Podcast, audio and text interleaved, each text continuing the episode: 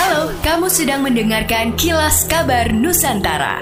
Podcast persembahan KG Radio Network menyajikan berita harian yang mengangkat keunikan dari berbagai wilayah Indonesia. Kilas Kabar Nusantara dapat juga didukung oleh pengiklan loh. Eits, ingin belajar soal mengelola keuangan dan juga investasi bersama ahlinya?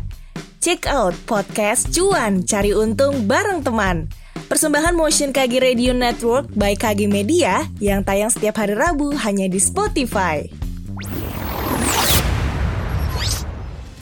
Di tengah hantaman krisis akibat pandemi COVID-19, sektor UMKM justru mampu bertahan. Bahkan kini UMKM menjadi ujung tombak dalam upaya pemulihan ekonomi. Deputi Kepala Perwakilan Bank Indonesia Sulsel Rudi B. Wijanarko saat menjadi narasumber Indonesia Sepekan Smart FM mengatakan upaya pemerintah dalam mendukung UMKM salah satunya melalui Gerakan Nasional Bangga Buatan Indonesia, Bangga Wisata Indonesia. Gerakan tersebut dimaksudkan agar masyarakat cinta produk dalam negeri khususnya produk UMKM. Rudi menyebut saat ini tercatat 64,2 juta pengusaha UMKM di Indonesia. Mereka menyumbang 61 persen dari PDRB. Tidak hanya itu, 97 persen tenaga kerja terserap oleh UMKM. Senada disampaikan Bahrul Ulul Ilham, Wakil Ketua DPP Apindo Sulsel yang juga konsultan UPT PLUT Sulsel. Berdasarkan survei sepanjang Maret 2020 sampai September 2021, hanya 20% persen UMKM yang tutup karena pandemi. Sebanyak 80% persen lainnya masih eksis meski terdampak pandemi. Menurutnya UMKM harus mendapat dukungan penuh agar bisa naik kelas.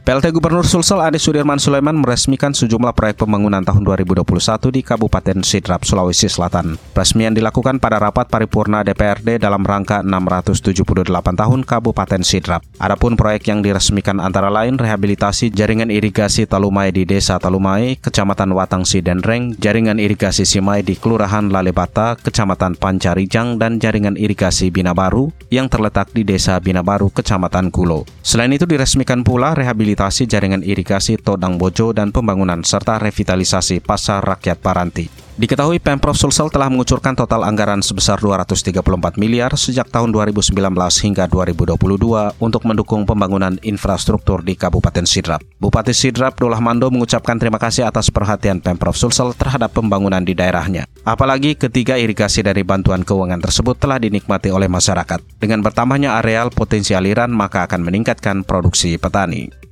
Kementerian Sosial RI melalui PT Pos Indonesia mulai mencairkan bantuan pangan non-tunai atau BPNT tahap 1 di kota Surabaya mulai 27 Februari dan ditargetkan akan selesai pada 1 Maret besok. Pada penyaluran BPNT tahap 1 tahun ini diberikan secara tunai atau tidak dalam bentuk sembako dengan kuota 39.000 jiwa dan masih bisa bertambah melalui kantor pos. Kantor pos juga mendapat tugas dari Kementerian Sosial untuk melakukan geotagging atau memfoto rumah keluarga penerima manfaat dan bila terdapat KPM yang berusia lanjut, sakit atau bahkan tidak bisa mengambil di kantor pos, BPNT akan diantarkan langsung oleh pihak kantor pos. Masyarakat akan mendapatkan Rp600.000 dengan catatan BPNT yang dibayarkan per bulan adalah Rp200.000 atau dibayarkan total 3 bulan langsung untuk Januari, Februari, dan Maret.